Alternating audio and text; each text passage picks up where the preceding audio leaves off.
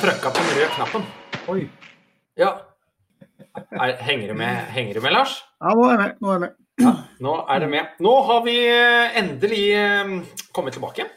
Nytt år, nye muligheter 2021. Og hei, åhå, det ble lenge siden sist. Det ble det. Det var eh, det året som, som litt forsvant, på en måte. I søren. Men vi, vi, jeg føler jo liksom at vi har, vi har bare fulgt FHIs råd med ordentlig keep your distance, liksom. Ja, det, vi, vi hadde jo, jeg mener jeg husker sist podkast, så satt vi med god avstand i en gang. Um, men, men vi tok det enda lengre, rett og slett. Ja. Vi fant at den gangen ble, ble for liten eh, med to meter, så vi fylte opp med noen mil istedenfor. Og så lange ledninger hadde vi ikke. Og da og så er det liksom det med å skape et sug i markedet. Liksom ikke slite ut folk med Det var så mye podkaster nå i, i, i, i 2020 at, eh, at litt må vi kunne roe ned, liksom. Altså, tur og tøys går alltid mot strømmen. Det- Altså, det- det, det har vist seg. vist gang etter gang, men vi burde jo få sånn Folkehelseinstituttets eh, St. Olavs-medalje for, Ja, ja. eh, for eh, gjennomsnittlig eh, distansering på 67,8 km eh, over et halvt år. Så eh, jeg føler at akkurat der så har vi faktisk gjort en, eh, en bra jobb. Altså. Men nå er det på tide å komme i gang igjen. Igjen. Eh, Ja. Dette har vi tenkt på lenge, utover hele høsten eh, egentlig. Men uh, nytt år, og da er det jo liksom uh, Da er det på tide. Og så er jo spørsmålet hva hva, hva, hva har skjedd? Hva, hva har du gjort siden uh, midten av mars? Jeg har sittet musestille inne og med ansiktsmasken min og, og sett skeptisk på alle. Jeg vasket hendene ned til knokene og, og føler at uh, leveren er den delen av kroppen som har hatt minst sprit. Ok, du er, du er der, ja. Altså, du har liksom du, du føler at du er i faresonen? Jeg, jeg føler liksom at eh, Ludvig eh, Ludvig Veien var klart den beste for meg. Så, her, ok, så det har vært eh, Men du, du, har, ikke, du har ikke vært syk? Eh, Det, har- det har gått, eh, Bankebordet. har gått fint. Ikke, ikke vært syk. Vært eh, et bra år, egentlig. Eh, har jo vært mye i Oslo-området. Eh, kommet meg på hytta da det ble lov. Har vært en del på hytte. Var hadde to måneder på Sørlandet i vår bitte lille bu nede ved, i strandkanten. eh, som jeg vel ikke har gjort siden jeg var, eh, gikk på ungdomsskolen eller folkeskolen. Og så har jeg fått en del turer til Finse. Du, når den verste isolasjon og uh, hold deg hjemme-tida har vært, så følte jeg egentlig at vi har trent ganske godt, uh, vi som var på landsrett. Uh, vi kom jo fra egentlig sånn isolasjonstilværelse før nyttår der i fjor, og så fikk vi litt sånn eh, sprade rundt og litt frihet, og så kom koronaen, og da var det liksom tilbake i det der, det der litt sånn hjemmeisolasjons... Men jeg så, jeg kjente liksom på noen sånne likheter der.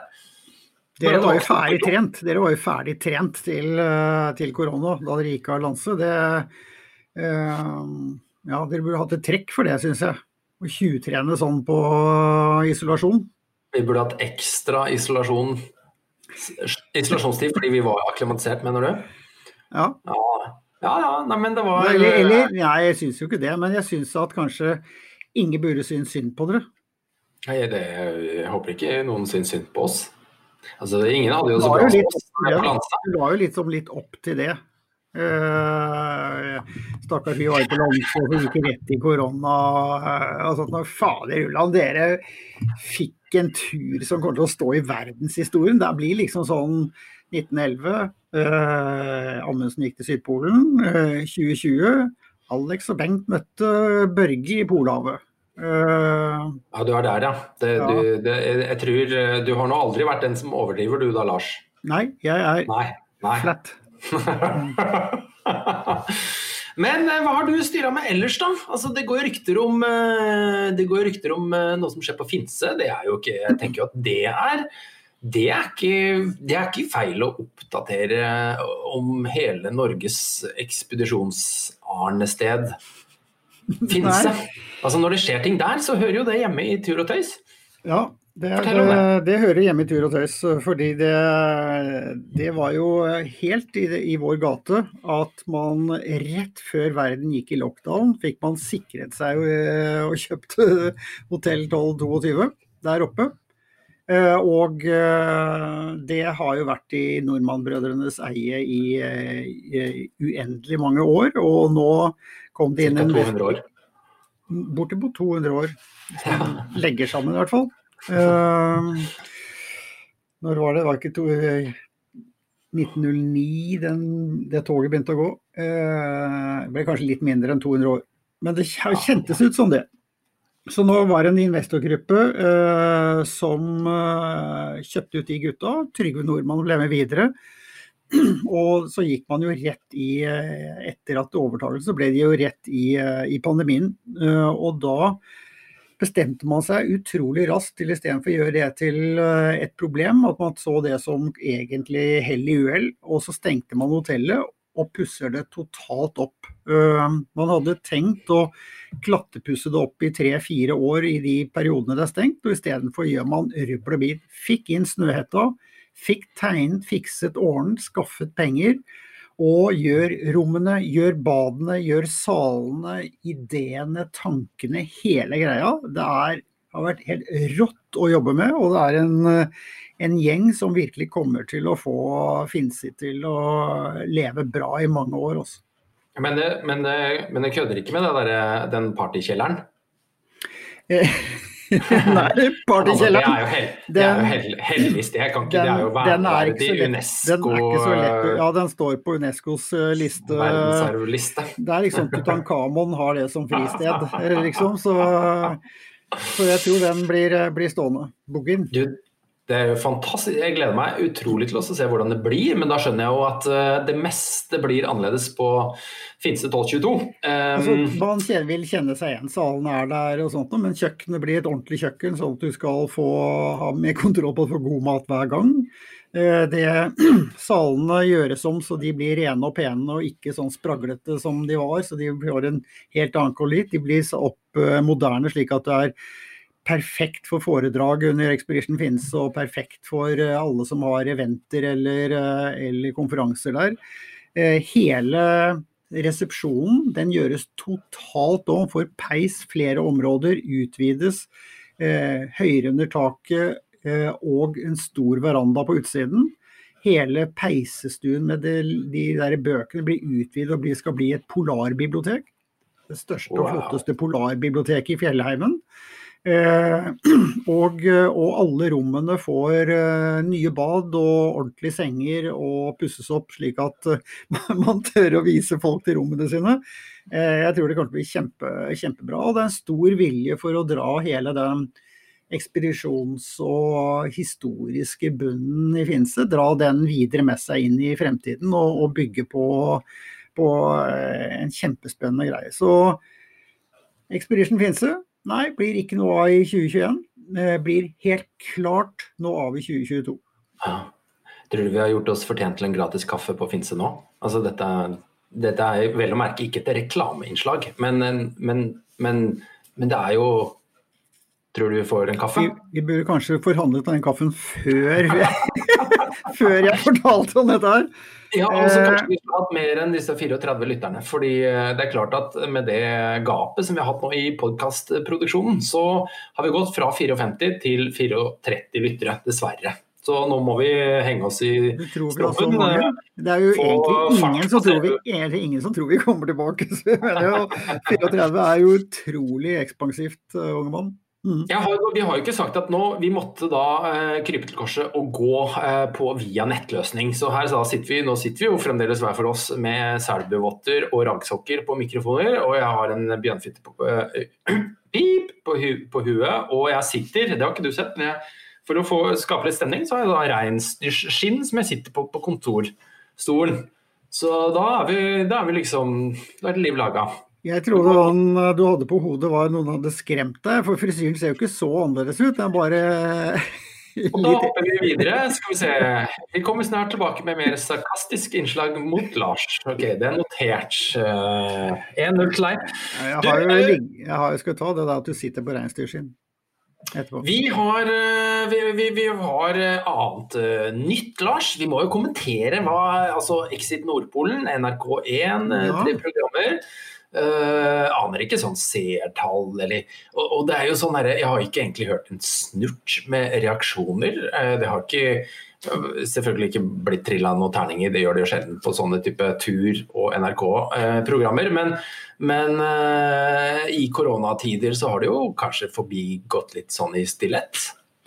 Ja, det, det er synd, for jeg, vi, vi var, hadde jo en finger med i spillet og var altså ganske tett på det. Men jeg syns NRK gjorde en kjempeinnsats på, på den serien med tre deler på Exit Nordpolen. Den ga et veldig bra inntrykk og, eh, og var veldig renhårig, ujålete fortelling. Jeg var veldig imponert av det. Altså, jeg har hørt masse. Jeg har, det har haglet i, i boksen min her med tilbakemeldinger og fy søren så bra, og hva syns du om det? Og jeg snakket med Børge før eh, så fant ut nei, vi skal se den på sånn gamlemåten. Én hver uke. Men alle binsja jo alle tre på e- episoder på en gang. Så alle du Du, det er i tredje episode. Jeg har ikke helt sett det ennå. Hva? Det jo Nei! Jeg følte meg bare jo jeg følte meg 2000 år gammel, ikke sant. Eh, Nei, jeg ser det på gamlemåten. Å ja, gjør du det? Folk helt rystet. Selv Bengt Rotmo han var i militæret for å trene opp noe utenlandsk elitesold. Han, lå i en teltcamp inn på vidda i, i Finnmark og binda hele greia på mobilen sin på 4G for å få med seg hele greia en natt. Og var helt skutt etterpå. Så ja, nei, det var bra. Det var bra. Det er um, Ja, jeg, synes, jeg er helt enig. Jeg syns NRK har gjort en Syns du, kjempejobb. syns du selv at du var flink? Uh, Du er jo en av stjernene der.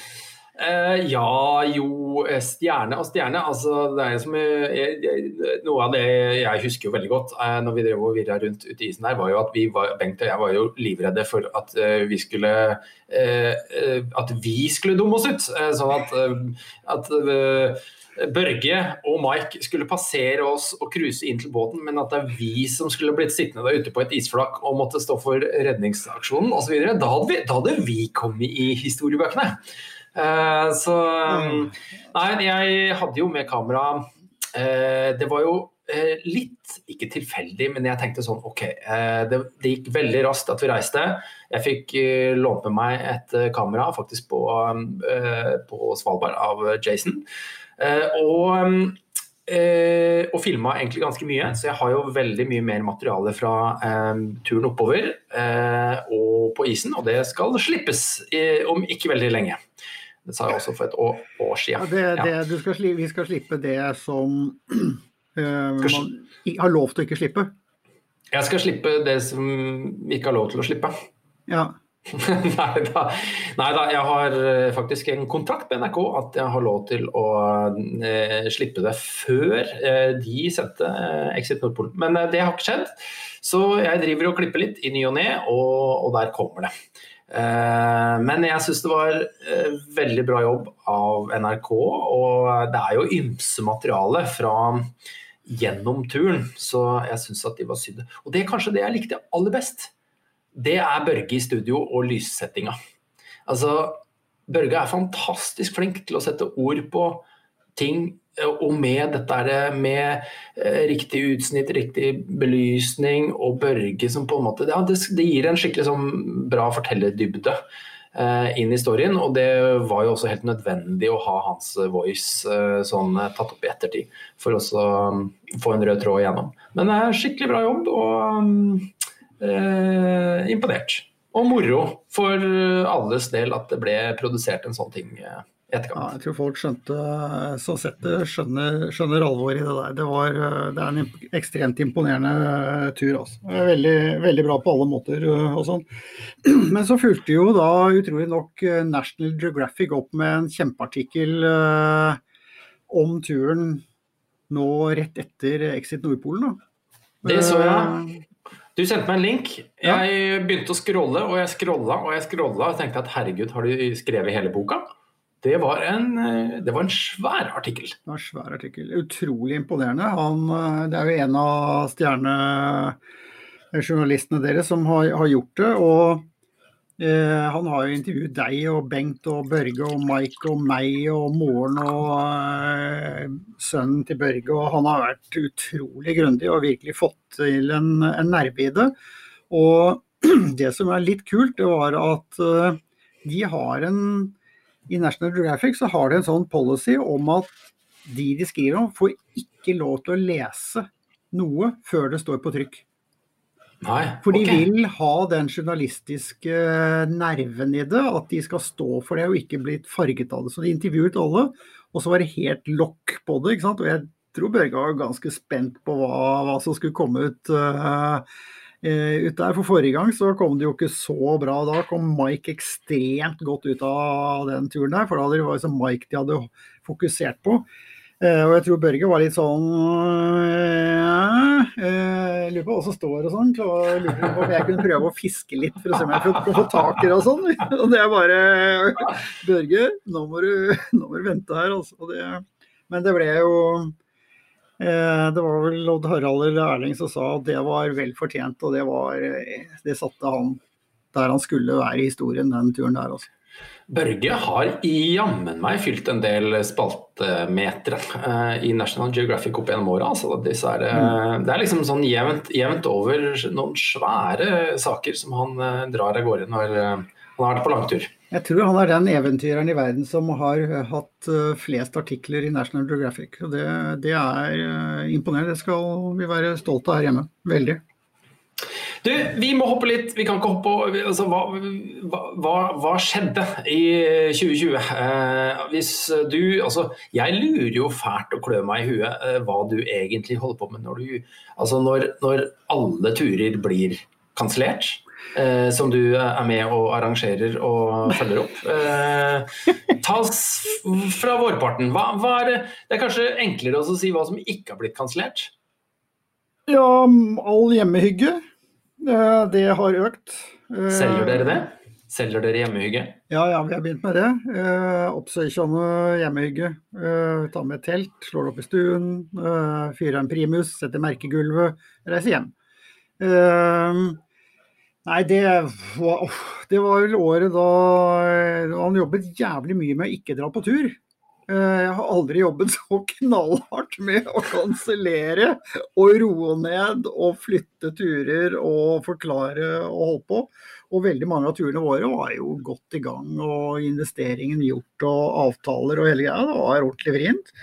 Så med en gang vi kom inn, eh, inn etter korona, så var jo Nordpolen ble jo stoppet. Og det er andre gang på rad. Og vi har eh, hatt en gruppe som skulle vært for to år siden, så skulle det vært i fjor. Og som vi håper i år. Så Nordpolen, den var ut. Og så var det jo Everest som eh, var eh, ut, og så var det Grønland som var eh, ut, med alle turene vi hadde der på våren. Og så, eh, etter, etter hvert, så var jo også Sydpolen eh, og Antarktis eh, ut, det har, og det foregår jo nå. Så det, det har vært en merkelig tur. Patagonia forsvant. Der Sør-Amerika var jo helt umulig å komme seg til, og du visste aldri om du kunne komme hjem igjen. og sånn, Så det var bare sjanseløst og et stor risiko å, å dra- dit med folk som ville. Så det var eh, mye som skjedde. Og så, og så hadde jeg tett kontakt med myndighetene, og så fikk vi til noen løsninger på Grønland høst. eh, hvor vi fikk eh, stablet noe greier på beina. Så det ble egentlig en rar, spennende og litt unik eh, sesong. Man måtte da ha masse, masse vaksiner, ikke vaksiner, men masse tester før og etter og under. Og eh, måtte være i karantene i Nuuk og, og sånt noe, så det ble, ble litt kålete. Men det var, eh, det var en del norske eh, som kom over. Tre av dem hadde jeg en finger med spillet på, og én som ikke hadde noe med å gjøre. Det var en, han Tord, så stakaren, Grønlandsdraumen, som dro over med en kompis, som ble eh, lam fra bryst og ned etter en skiulykke for mange år siden, og hadde en drøm om å dra over Grønland med bror sin og noen kompiser, og det har han holdt, og så fikk de til det. Eh, Den turen har jeg lyst til å gjøre noe mer med, og det har vi jo Ja, snakket de, om. skal... de må vi prate med. Så vi må Men prate vil... med den gjengen der. Den gikk jo, vi- trenger ikke røpe alt som skjedde, men det ble jo en dramatisk tur på, på sett og vis. De, de dro fra, det, fra feil side, da. de dro fra Kangelussak, For da kunne de ta karantene på isen. Mm. Så ble de fløyet opp, og så, og så gikk de da østover. Eh, og så var en dramatisk hvor, eh, hvor Nei, Ja, ja, ja, får ikke si nå, Akkurat der så kutter vi da hvor dramatikken begynner. Eh, Dette er så jo helt- var det Er det du jeg som snakker nå? Nei, du må snakke. Eh, nei, det Ok, var- da snakker jeg. Si at det var, ja, fader, altså. Helsike, dette er jo helt umulig. Vi må ha sånn lys, ikke sant. Holde opp fingeren. Ja, vi burde hatt eh, sånn Ja. Nei, det jeg skulle si var at det var Det er jo et, det, det det er kjent, et kjent uh, tur og tøys uh, teasetriks å, å avbryte hverandre når dramatikken uh, overtar, sånn at vi, eh, vi klarer å dra en håndfull lyttere over til neste uh, podkast, som helt sikkert blir noe annet enn Tord, men vi skal ha Tord inn en eller annen gang. Det Men er det, er det, altså det vil si at det er, eh, det er mer arbeid å arrangere kansellerte turer enn å gjennomføre noe? Nei, det, det er det jo ikke. Du må ringe han Eh, hundeopppasseren og spørre kan veldig, det, det var veldig mye, og det er klart at jeg holder på med mye turer eh, som er mer enn bare de vi arrangerer i Østland. Det er mange som har store turer og jobbet med det, og vi jobbet med det både på sponsorsider og, og alt sammen i, i fryktelig lang tid. Og når da noe sånt noe skjer, så, så er det veldig mye jobb å utsette og forandre og gjøre om hele greia og sånt noe. Så det, mm, det mye, har vært mye, mye trå vannet-jobb uh, i år. Men vi fikk to andre turer på isen da, med, med disse søstrene som vi har nevnt. Uh, de dro over, hadde karantene, dro på østsiden. startet- Alle husker jo det, det er jo bare åtte måneder siden. Altså at du nevnte de, mener jeg. Ja, alle har vel hørt om igjen og om igjen så var det siste perioden, episoden. Nei, det var eh, Hanne Aase, eh, som eh, unge, freshe jente, vært på Finse, vært rundt omkring og trent og hatt eh, lyst på dette her. er. Hadde en tøff tur. Eh, det ble et veldig rart år hvor eh, høst og høststormene kom veldig tidlig. Det ble mye, mye vær og mye snøfall og sånt noe, men de beit seg sammen og kom seg over Summit. Kom til, eh, til Dai og ut, og er faktisk i år de eneste som har krysset isen i 2020, de to jentene. Det er, det er veldig tøft. Så to, sånn, to jenter som setter seg et mål og bestemmer seg for å gjennomføre det, og så blir de de eneste dette året her. Det er, eh, og det var veldig bra jobba. Det var ikke noe lett sesong. Fordi etter det så hadde vi, var det en engelsk jente som spurte om vi kunne hjelpe henne, og det gjorde vi. De, hun hadde med seg Are, Are Johansen, og de, det ble for tøft. Hun var ikke sterk nok. De kom seg De måtte snu dem rundt før Summit, og på vei nedover så, så ble det storm etter storm etter storm, og til slutt så måtte vi bare fly dem ut siste biten til og med. Så det, det var tøft eh, der.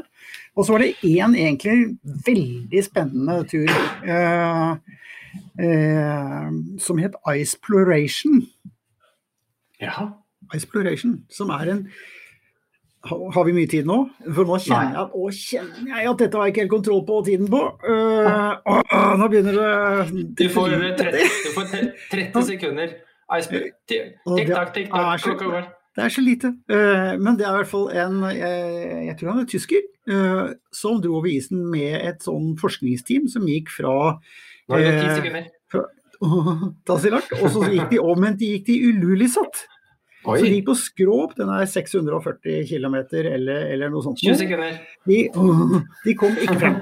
Det er imponerende. Du klarte det på 23 sekunder. Åh, nei, men jeg har så mye mer. Det er så Ja. kul historie, egentlig. Fordi det er det som, den turen og hele det der Ispiration-greiene, det er et forskningsprosjekt som startet altså i 1912. Nå må, du, nå må du måpe litt, for dette her er Oi. egentlig Ja, en til. jeg måper. Jeg heller, heller i mer kaffe eh, Ja, og gjør det. måper. Ja, måp og kaffe. Å, sånn! Det var måping. Ho, ho, dere skulle se han måpe. Altså, kan, Altså, altså, før de fortsetter, så kan jeg bare altså, Når du sier summit, eh, før de kommer til summit på Grønland, så kan vi jo for de som ikke er født i en gapahuk i isen på Grønland, kan vi fortelle at det er liksom eh, det er, ikke, det er ikke over et fjelltopp på Grønland, men det er over høyeste punkt. Ja, ja. det er det. ja. Og det er, der er det et værskilt, værskille. Men de, de, de eh, Det var altså i, i eh, 1912 de første etter Fridtjof Nansen som krysset isen, var en sveitsisk forsker. Han hadde vært på Grønland noen ganger før, og så krysset han tvers over eh, fra Ilulissat og over til østkysten.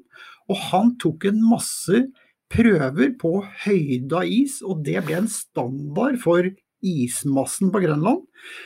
Og siden det er gjort en håndfull ekspedisjoner opp gjennom årene på samme rute for å måle tykkelsen på isen eh, og sånt. noe. Et kjempespennende, kanskje en av de viktigste og første virkelig seriøse målingene av, av ismasse og hvor mye som den bygger eller nå forsvinner og sånt. Og Det var veldig, man var veldig interessert i det på begynnelsen av århundret, og han ble en kjempehelt. Og det er jo lenge før noen annen i Norge gikk over, eh, over isen eh, her, her hjemmefra. Og vi var egentlig veldig tidlig ute.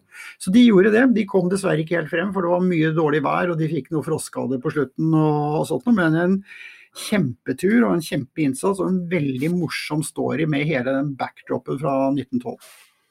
Herregud, det er jo eh, Det slår meg at det er jo en ny kategori, Lars. Altså, og En ting er jo å repetere, altså gå i A. eh, Nansens fotspor, men å gå i nummer tos fotspor. Ja, det er helt nydelig. Det er helt og nummer tre, førstemann til å krysse eh, i nummer tos fotspor. Mhm. Altså, jeg, jeg, føler at, jeg føler at den er litt sånn, litt sånn klatrernes K2. Uh, ikke sant? Everest er liksom Everest, uh, første og høyeste og alt det der, og sånt, men K2 er liksom hakket hvassere og sånt. noe. Dette blir litt K2, gjør ikke det? Jo, Grønland K2. nest, nest størst. Nest. Å være, å være nest sist på det nest høyeste, er ikke det nest først? Det er jo viktigere å være da nest først på den nest høyeste eller første, ikke sant? Det blir jo helt feil å være den første til å gå den nest Ja. Nå, Nå er tror jeg vi går videre. Vi går videre, men du var jo eh, du var faktisk inne på K2. Um, um, uh, vet du hva, det, det, det, det skal vi ta opp igjen. Men vi må faktisk hoppe inn på noe som skjedde i høst, som også berører alle, eller i hvert fall mange turglade folk som ikke er så veldig hyggelige, eller ikke var noe moro i det hele tatt, og som berørte mange. Eh, Det var en litt spesiell rettssak i høst. Um, og der var jo du eh, ganske sterkt involvert. Altså, vi prater da om dette bankranet du prøvde Nei, det var ikke den rettssaken. Nei, det var en annen rettssak. Ja, jeg går så tull i alle disse rettssakene Ja. du eh, er involvert i, men nå var det ikke nå, ja. Du skal ikke tulle så mye med det, men du kan jo kan, kan dra oss kort gjennom hva, hva handla rettssaken om. Jeg kan ikke se at det står noe om den rettssaken på, på listen vi skal snakke om her, gjør det? På på man, man, manuset. eh, på manuset. Det, det er veldig gjennomarbeidede manuset her. Eh, jo, det var en, eh, en rettssak om han som døde på Kilimanjaro for noen år siden. Eh, på nyttårsaften. Eh, lille nyttårsaften for, for noen år siden. Som var på en, en guidet tur eh, der. Hvor han døde, og hvor, hvor de etterlatte gikk til sak mot uh, turoperatør og guide. Um, for de mente at det var gjort, gjort feil. Og eh, det ble en rettssak som holdt på i flere, flere dager og flere episoder. Vi kan kanskje en gang lage en ordentlig sak ut av. Fryktelig vondt. Helt grusomt å være en, eh, en del av. Og eh, veldig mange ting som, som dukket opp. Du, eh, du, hadde ikke noe med turen å gjøre, men du var da dratt inn som en slags fagkyndig, kan vi kalle det? Jeg kom, jeg kom, inn ved en tilfeldighet fordi det var noen som ringte og sa at det var en familie som satt helt fortvilt etter å ha mistet han, han, fyren. Og jeg trodde jo som alle andre at han hadde dødd av et hjerteinfarkt eller noe, noe sånt noe. Og så viser det at han døde av høye, høydødem. Og at de var helt fortvilet, og det hadde ikke vært noe oppfølging. Og det var ikke noen ting, og de var helt knekt. Så jeg var inne og gå god gammel vei på sorg og krise terapi, kan du si, å gå gjennom hele greia og begynne med kunnskap og fakta, som er det du må gå inn i på, på slike ting. Og det ble, en, det ble, en, skremmende og lærerik prosess eh, for meg, og det ble en, eh, en greie hvor jeg helt klart så at den bransjen vår er, er sårbar, og det er ikke noe lett vei vi er i de vi har med oss, blir ikke noe mer erfarne, og, og verden blir ikke noe lett lettere å, å ferdes i, i, heller. Så det var en, det var en tøff uh, greie hvor uh, det etter min mening, nå skal ikke jeg være noen dommer, og, og det er veldig viktig å huske at uh, guidefirma, skal vi nevne dem, eller skal vi ikke? Vi har vel nevnt dem før, tror jeg. Trenger ikke det, tenker jeg. fleste som er interessert, vet kanskje hvem det er. Eh, de var, eh, de var, jo helt uenige. De mente at eh, de hadde gjort alt, alt riktig. Guide mente at de hadde gjort alt riktig. Og de hadde, og han har lyst til å nevne, de hadde eh, legen deres som hadde godt innlegg på hvorfor de mente at dette var, det var etter beste evne og alt. Så var det Morten Rostrup som avsluttet det hele ved egentlig å forklare, sette høydemedisin og høydeforståelse på kartet på en helt unik måte. Det var, Å høre på hans foredrag var, var helt fantastisk. Og for meg selv så ble det en uh, veldig oppfriskning på, på, hvordan man skal tenke. Uh, I utgangspunktet syns jeg dette selskapet de, de, solgte et produkt. De annonserte et produkt som de ikke leverte. De sa de hadde med eh, Iridium-telefoner Eh, det hadde de ikke. De sa de hadde lege-standby 24-7. Det hadde de ikke. De sa de ringte hjem ved enhver ting. Det gjorde de ikke. De skulle ha forskjellige informasjonsmøter og sånt, noe. det hadde de ikke. Eh, og eh, de var nok litt sånn preget av at det er veldig stas å få alle opp og sånt noe. Og så var det han som døde, han var dårlig i flere dager. Og den ruten de gikk, det, det er, mener jeg er ganske interessant. For de går Rungai-ruten, som er en kjempefin rute, og egentlig veldig fin for den har en slag fin akklimatisering og stigning oppover. Men problemet er at når du kommer til camp 3 eller 4, jeg husker ikke hvilken helt det er, så er du, da går du nesten en hel dag i flatt terreng. Så du akklimatiserer, at du flytter deg på samme, samme, høyde.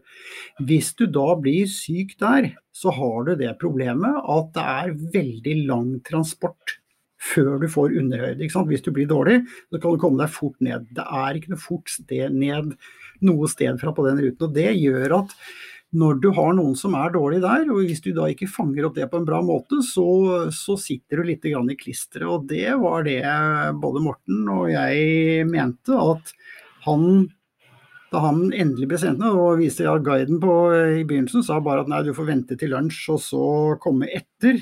Og da hadde fyren hostet hele natten og så hadde surklet i lungene og hadde falt og mistet balansen og hadde O2-metning på rundt 50, så det, det var rimelig i grenseland dette her. Og så ble han da sendt ned, og da skal du gå altså fire timer i flatt terreng. Og hvis du da har en fyr med lungeødem som i luft som er tynnere og mindre oksygen enn det du skal, og hvis du har da lunger som da fungerer mindre enn det de skal igjen, så får du ekstremt lite luft inn i systemet ditt. Og vi tror at det var bakgrunnen for at da han kom frem til kanten der du begynte å gå ned, så hadde han fremdeles 50. Så gikk han ned 1000 høydemeter, da hadde han fremdeles 50. Og da, da skal alarmbjellen ringe noe enormt, men han ble fortsatt å gå ut, og falt så om og var død. Med hva legene sa var et massivt lungeødem.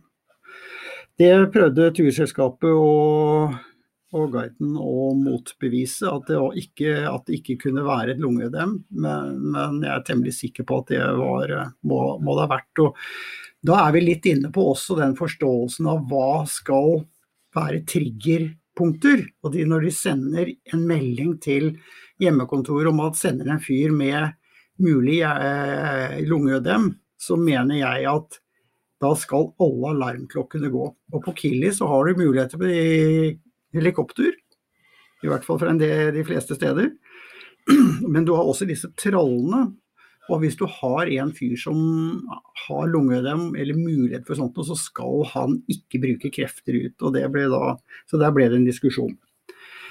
Men jeg vet ikke om jeg skal si dessverre, det ble et forlik før eh, siste dagen, vel. Og det gjorde at det aldri ble noe konklusjon på det. Eh, det ble ikke noe rettspraksis på det, og det ble egentlig lite kunnskap å trekke ut av det, annet enn at vi som var med på det, vel fikk tenkt oss om. Jeg har snakket med en del av de, de eh, involverte, og de alle er veldig fast bestemt på at de mener de selv har rett. Så det er, det er ikke kommet noe godt ut av det sånn sett, men det er fryktelig, fryktelig trist. Og det er i hvert fall helt klart at øh, når man ikke stiller opp og lar det gå så langt som til en rettssak, så er det en fryktelig, fryktelig dårlig måte å avslutte en tur på.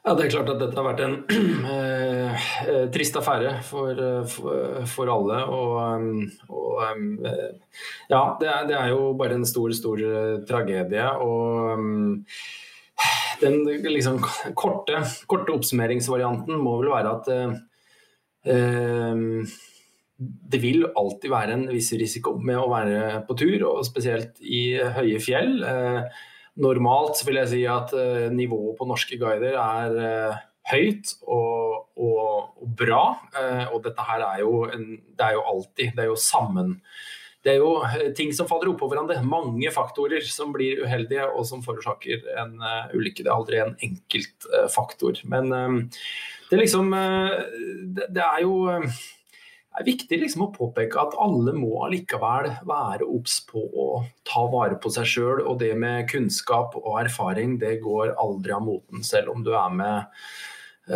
på guidaturer mm. eller er med erfarne venner eller Ja, så det, det er liksom eh, Det er en trist reminder på at um, det kan gå galt selv på fjell som Kilimanjaro. Og at du ikke skal under, undervurdere 6000 meter. Det er en fryktelig, fryktelig, høy pris å fortelle for å få kunnskap. Uh, og det er vel kanskje det bransjen vår kanskje ikke er flinke nok til å fortelle om nestenulykkene og dele det og bruke, bruke, det som et forum til liksom å, å, skjerpe oss inn. Og det tror jeg vi trenger, trenger alle sammen. Uh, her var det en guide som jeg mener uh,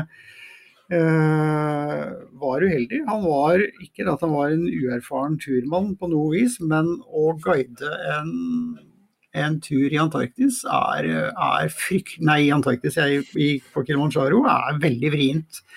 Eh, der vil nesten alle være i et eller annet stadie av høydesyke hele veien. Eh, du går fort opp, det er en kort tur med mye høyde. Og det å sile de som er alvorlig syke fra de som er litt syke, og de som klager og de som syns det er tungt og sånt. Og det er et sammensurium. Hvis du da ikke har vært på sånne turer, ikke vet hvordan du skal bruke de lokale, hvordan du skal bruke det apparatet som er på en stor tur som dette her er, så hvor de Alt er det beste du kan få. Du har med deg oksygen, du har med deg folk, du har med flinke guider og flinke hjelpeguider. Du har det hvis du ikke vet hvordan du bruker det, implementerer det, integrerer de lokale i det hele, slik at du får sikkerhet, så, så, så løper du en risiko her. Hva hadde han aldri vært på en sånn tur eh, med en stor norsk gruppe på Kilimanjaro? Og da, da setter selskapet han i en fryktelig vrien situasjon. Vi får la det være um, punktum uh, i denne omgang. Vi får se om vi kommer tilbake om det. Altså, hvis du hører på, så, er, så, må vi jo bare få lov til å si det at uh, hvis du har ting vi ønsker skal ta opp, uh, diskutere, dykke inn i eller ja, drodle med mer eller mindre overkvalifisert turtøysprat, så, så, så, så, ta kontakt enten på Facebook eller på Instagram eller kanskje på mail. Alexander at gamme.no. Det er, det er jo mulig at vi kunne komme tilbake til det, men da tror jeg vi skal gjøre det på en måte Jeg har ikke lyst til å være noen dommer i, i den saken her, men, men, kanskje dra inn forskjellige parter, se om man kan trekke ut. Det var veldig mye sterke navn og utrolig mye bra folk som var dratt inn i denne saken, så kanskje man kunne finne noe ut av det. Jeg vet ikke. Vi får se. Ferdig. Det, er, eh, det, handler jo om å lære av, av, av det som har skjedd, og, og, ta det med inn i framtida. Mm. Men vi skal jo eh, Jeg tenker vi må faktisk eh, Vi må innom et litt høyere fjell. Altså, for å være litt dagsaktuelle, Lars. Et av de få stedene hvor det faktisk er yrende aktivitet akkurat nå, det er K2 av alle steder. Det er det, der, skal jo, der skal jo Pakistan og Karakoram ha eh, litt ære. Det har vært aktivitet der faktisk veldig mye i år, og de har klart å, å få til mye der. Nå tror jeg klatrere er de mest innbitte folka i, i, verden. Eh, de får til de helt ufatteligste ting, og, og det har vært mye aktivitet eh, der.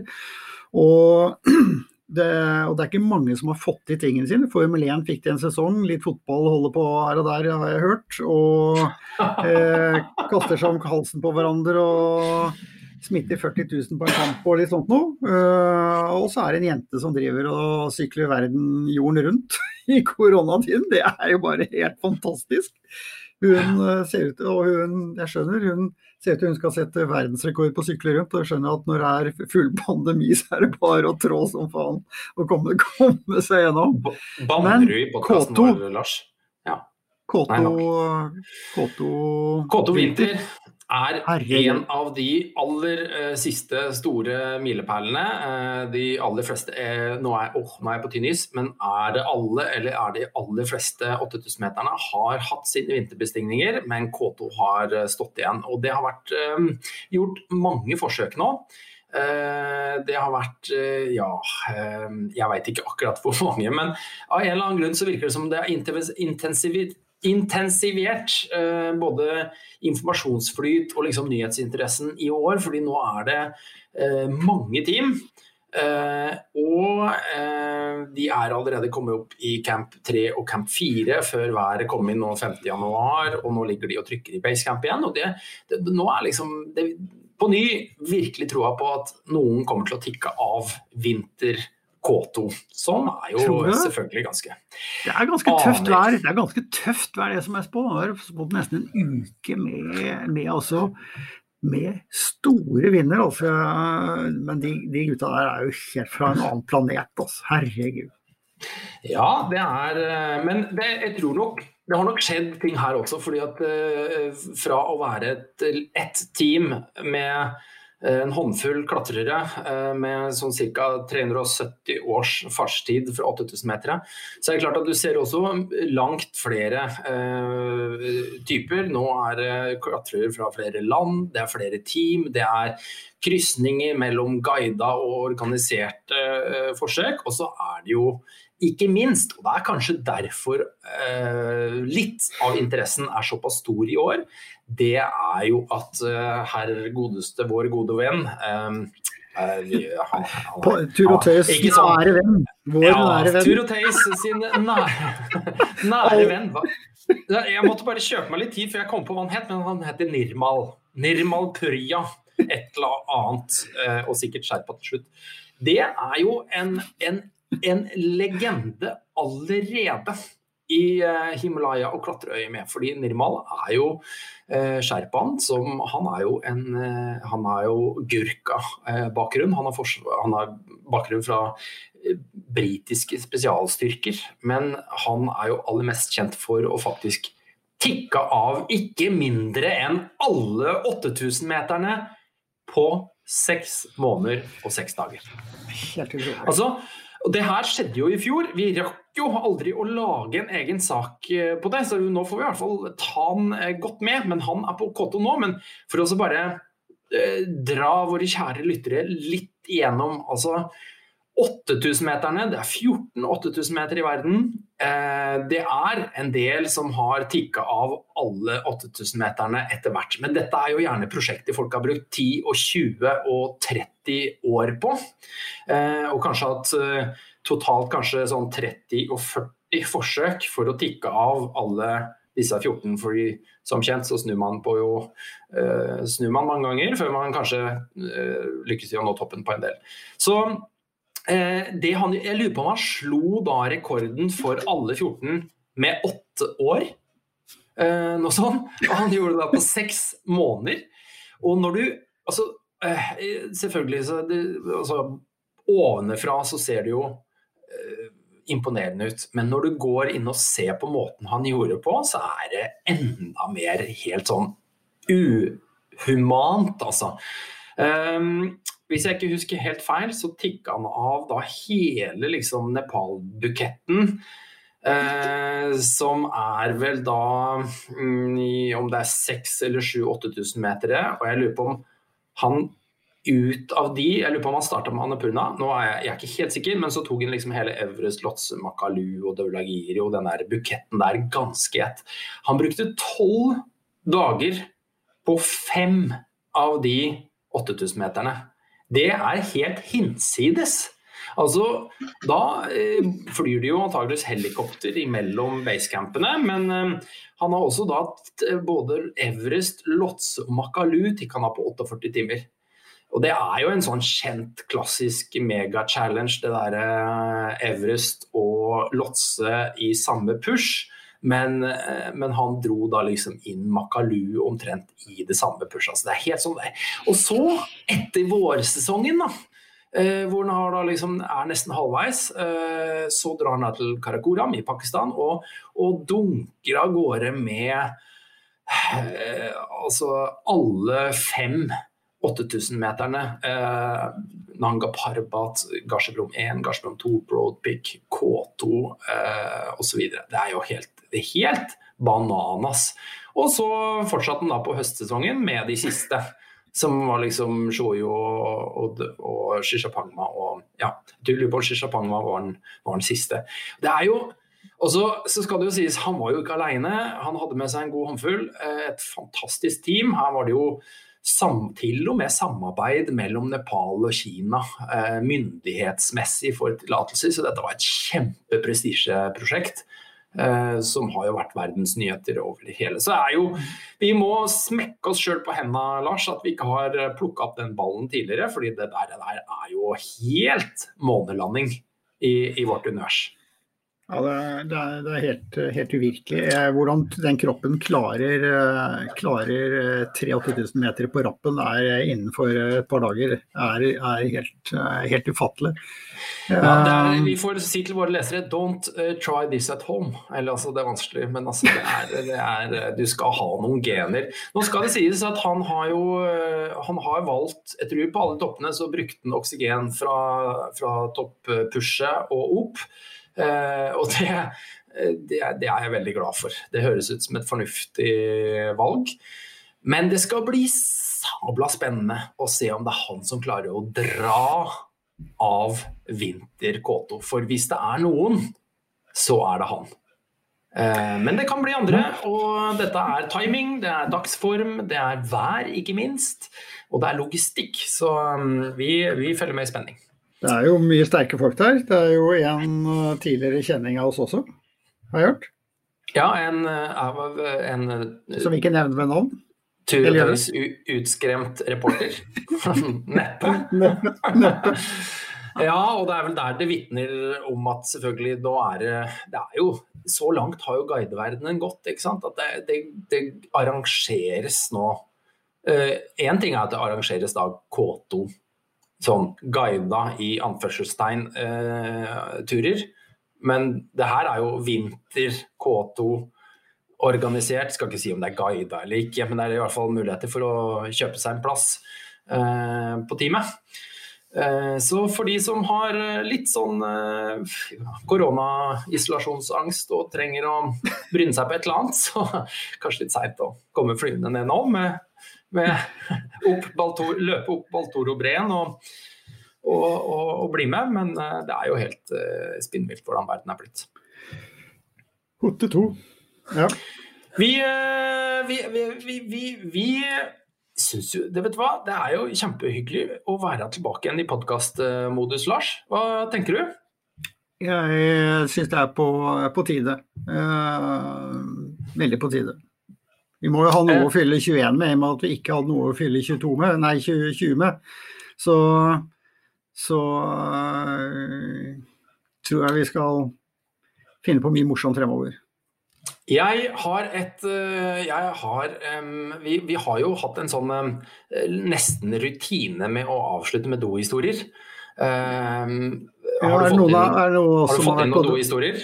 Ja, vi har faktisk en serie med dohistorier liggende klare som vi ikke har klart å, å fylle opp ennå. Men det tror jeg vi må lage en egen do, en dotur på, på, det. Skal vi se, for da, er, da kan vi, det er en del som syns det kanskje ikke er helt det kuleste. Uh, alltid så kan vi la en sånn sånn warning, warning, warning ja. så folk kan gå inn og sånn Og dette er bare dohistorier. OK, da dropper jeg den. Sånn, ja, gi folk en sjanse.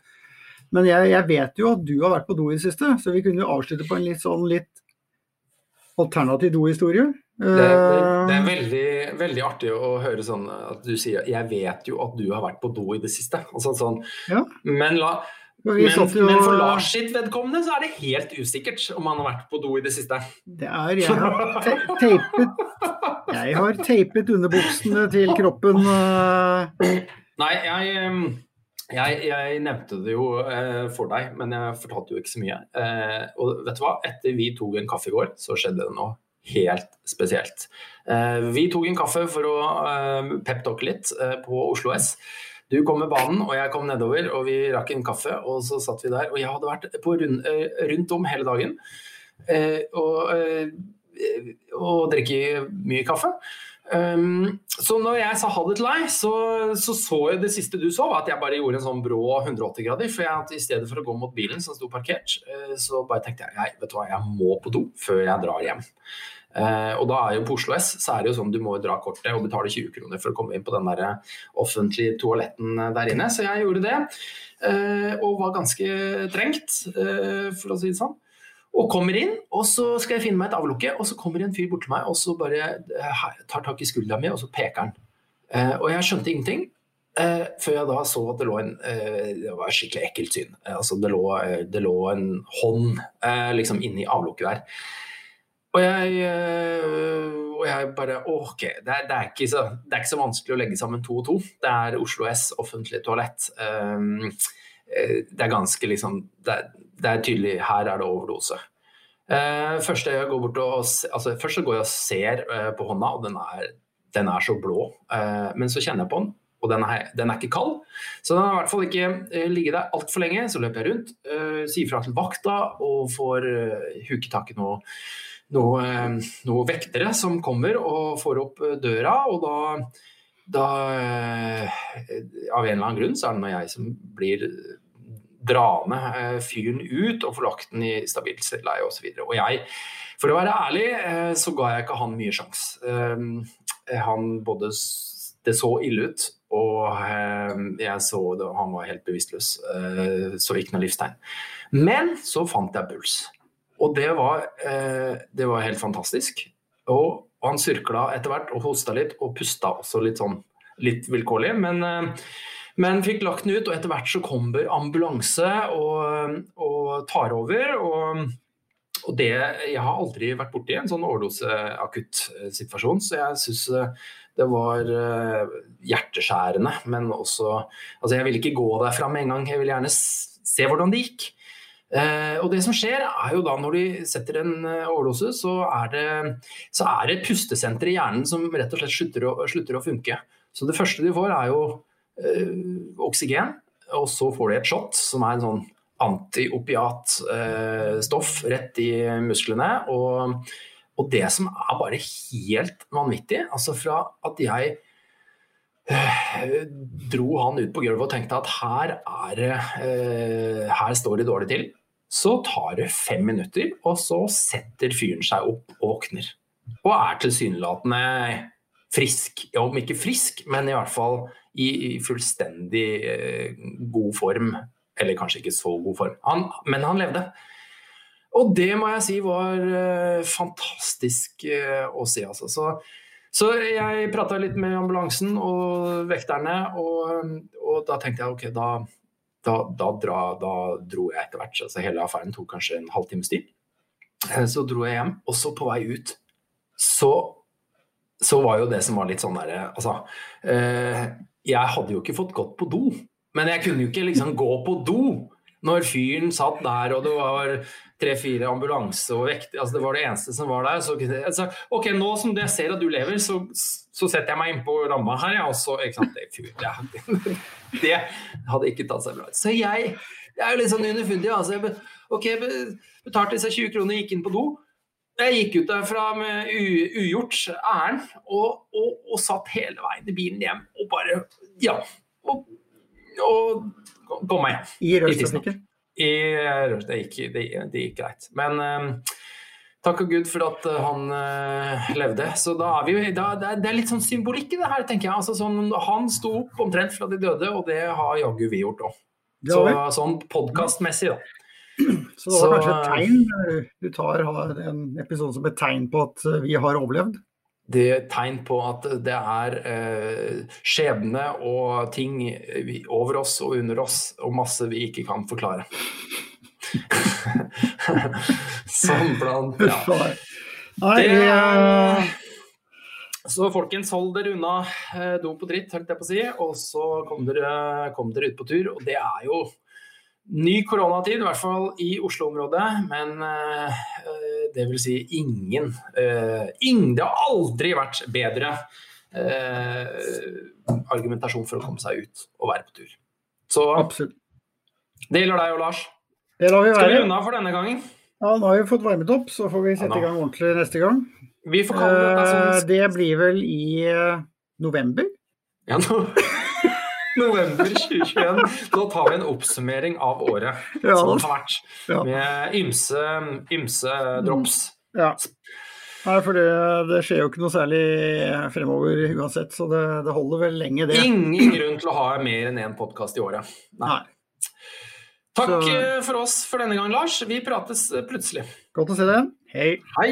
Så setter vi camp.